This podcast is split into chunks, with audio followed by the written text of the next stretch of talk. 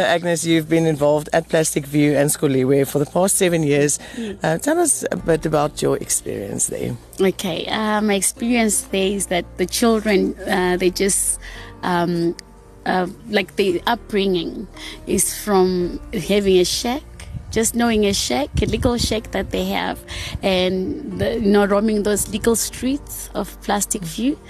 And today, I promise you, it was amazing. You know, they woke up so early in the morning, you know, having all such so much experience, you know, excitement. Like uh, we're going to camp, uh, and they've never been to a camp before. So this is the first time they're coming into the camp and the long drive. I mean, from such a, a place is crowded and, and now they come to this spacious and they've got their own little beds and little rooms and toilets. It's so amazing. Well, Agnes, so what do you think it means to them to be taken out of their circumstances, even if it's just for the weekend? I think it's going to be one of the most uh, wonderful memories that they're going to have. And to tell that story to other children. I'm sure they're going to be jealous of them. They already are jealous because it's like you can move the entire plastic view and put it, you know, bring them here. Mm-hmm. But for these children, it's, it's amazing. Oh, wow. I mean, they, they will miss their parents, but for those four days, it's going to be the experience of their life. They can't wait to see the animals. They can. They right now we have got our little. Their pet. They say, "Yo, you're my partner. You know, we're going to be in my roommate and all that." So it's it's such amazing because That's in that little amazing. shack, uh, no, they never have that space. Mm. So here is something out of the ordinary. Wow. Like you know, this is another experience. This is another level you know they've never imagined before so wow. it's it's very nice it's going to make a difference in their lives I mean- that you know i'm also worth something. I mean- i'm worth going out there. Uh, there's someone who's sponsoring for me to have a good time to enjoy myself. So i'm special. I'm that special. Oh, wow. Thank so, you, Agnes. so that's what i can say. I'm And sorry. what, Agnes, so what circumstances are they currently faced with? Yeah, most of the children, uh, I can say, uh, very difficult to, like it's winter right now.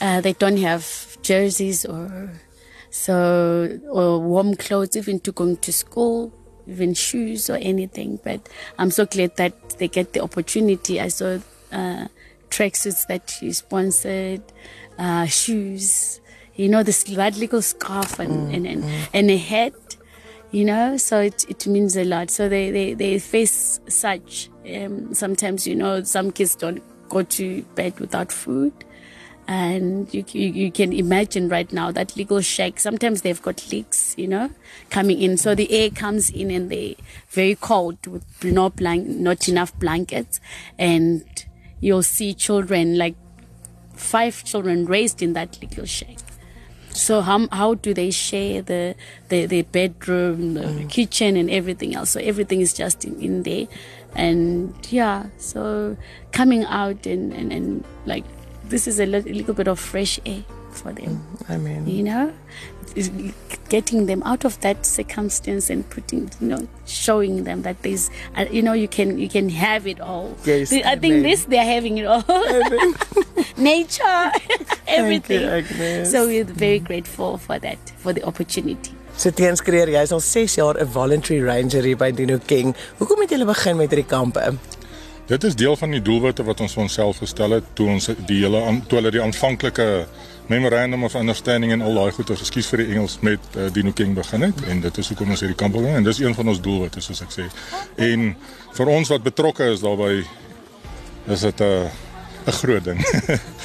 Om dit so te sê, ek kan nie an, dit anders stel as dit dis 'n groot groot ding. Ek kry sommer hoendervleis terwyl ek met jou staan en praat teens. Wat beteken dit vir jou om hierdie kinderharte so vol vreugde te sien?